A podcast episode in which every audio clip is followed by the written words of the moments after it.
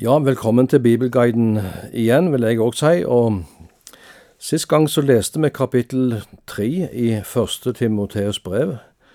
Det handler om hvilke krav som skulle stilles til menighetens ledere og diakoner. I dag skal vi lese kapittel fire. Dette kapitlet sier oss noe om hvordan menighetens ledere skulle bekjempe vrang lære og til slutt i dette kapitlet så har Paulus både noen formaninger og noen oppmuntringer til sin unge venn og medarbeider Timoteus. Vi leser først versene 1 til 11. Ånden sier med klare ord at i de siste tider skal noen falle fra troen. De skal holde seg til ånder som fører vill, og til demoners lære, fra løgnaktige hyklere med avsvidd samvittighet. Disse forbyr folk å gifte seg og krever avhold fra mat, den som Gud har skapt for at de som tror og kjenner sannheten, skal ta imot den med takk. Alt det Gud har skapt er godt, og ikke noe skal forkastes når det mottas med takk. For det helliges ved Guds ord og bønn. Når du gjør dette klart for våre søsken, er du en god Kristi Jesu tjener, som får næring fra troens ord og den gode lære som du har fulgt. Men vis fra deg de ugudelige mytene som bare er tomt snakk. Øv deg heller i Guds frykt. For kroppslig øving er nyttig til noe, men Guds frykt er nyttig til alt. Til den er det knyttet et løfte både for dette livet og for det som kommer. Dette er et troverdig ord og vel verdt å ta imot. Det er derfor vi strir og kjemper, for vi har satt vårt håp til den levende Gud, som er frelser for alle mennesker, særlig for de troende. Dette skal du innskjerpe når du underviser. Igjen advarer Paulus mot vrang lære. Falsk eller vrang lære er farlig for menigheten, fordi den fører til at noen faller fra troen, sier Paulus. Og det skjedde på Paulus sin tid, og det skal skje i de siste tider, står det òg her. Det gjelder også vår tid. Vranglæren den, den framføres av mennesker, men bak dem står demoniske ånder som fører mennesker vill leste vi her. Vranglærerne lar seg altså bruke av demoniske krefter. Minner oss om at eh, kampen mot vrang lære, det er altså en åndskamp. Det skal vi være klar over. Alle falske lærdommer som drar oss bort fra Kristus, har altså noe demonisk i seg og de som forkynner vrang lære, går djevelens ærend. Så kan vi spørre hvilke falske lærdommer var det Paulus advarte eh, menigheten i Efesus mot. Vers 3 nevner at det var eh, noen som forbød folk å gifte seg. Det kan være de som på den tid ble kalt for gnostikere, som vi her står overfor. De forkynte en, eh, en gnostisk frelselære som forkasta ekteskapet. Videre nevnes avhold ifra mat. Her kan det være judaistene som, som Paulus ofte advarte mot, som holdt på disse renhetsforskriftene for mat og drikke i Det gamle testamentet.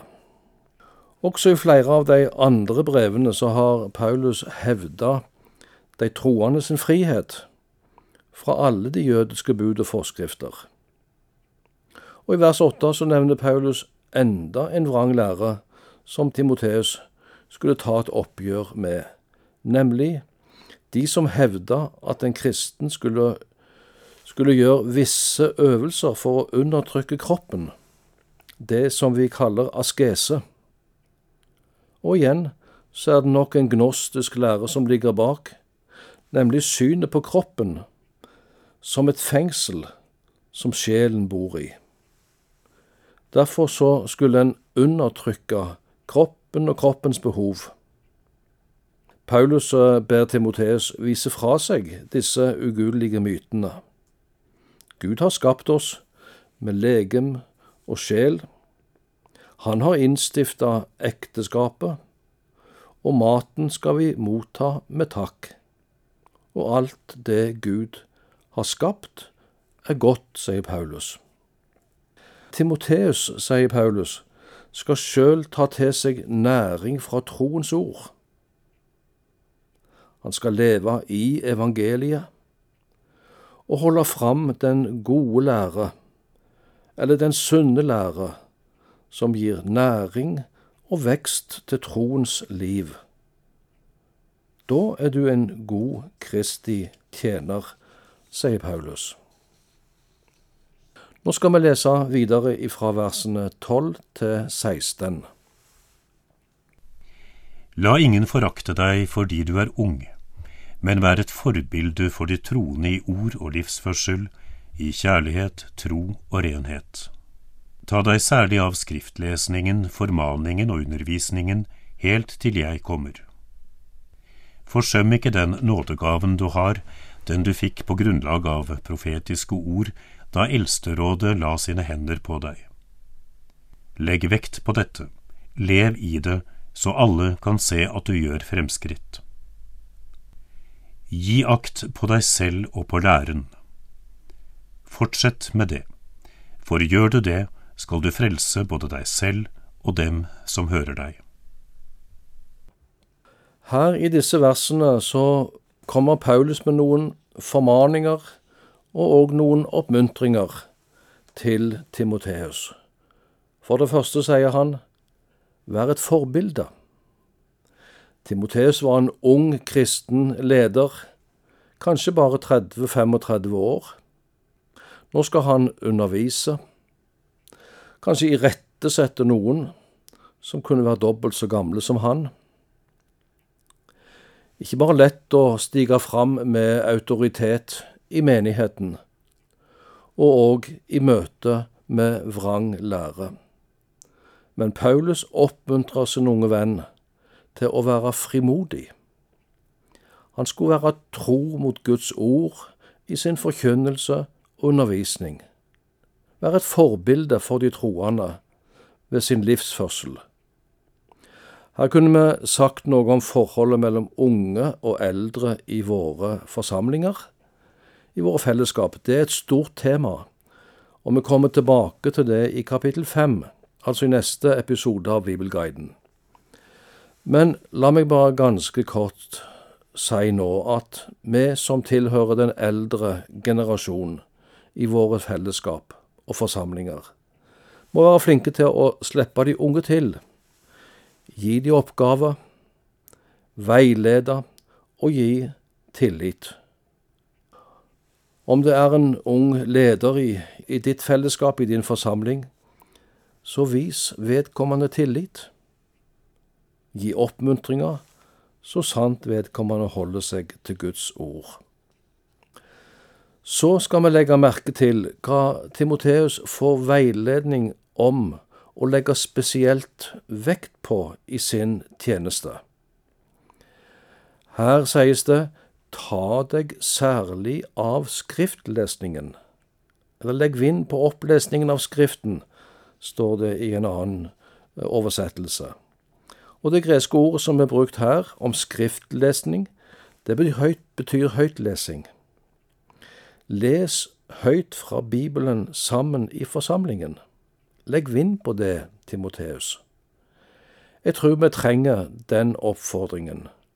Og i dag lese høyt for hverandre fra Bibelen i våre samlinger. La Bibelen ha en synlig og aktiv plass i våre fellesskap og i våre samlinger. Videre så blir Timoteus oppmuntra til å ta vare på eh, formaningen og undervisningen. Og dette sikter nok til den forkynnelse som fulgte skriftlesingen. Det forteller oss at forkynnelsen av Guds ord skal ha en sentral plass når vi samles i våre fellesskap. For dette rom i våre forsamlinger, så blir vi heller ikke så lett forført av falske lærdommer. Det hjelper oss til å bli bevart i troen. Og til slutt kristne leder.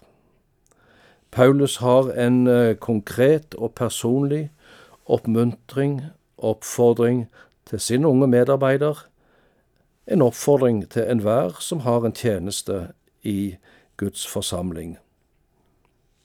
Forsøm ikke den nådegaven og oppgaven du har fått.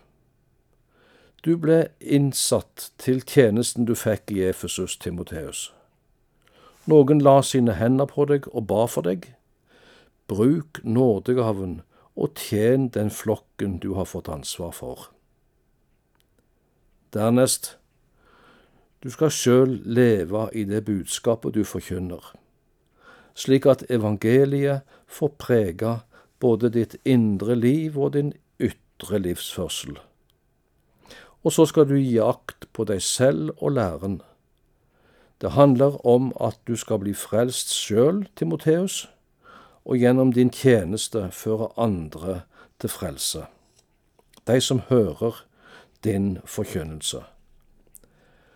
For det er slik som det står i Romerbrevet kapittel 10 og vers 17, så kommer da troen av det budskapet en hører, og budskapet kommer av Kristi ord.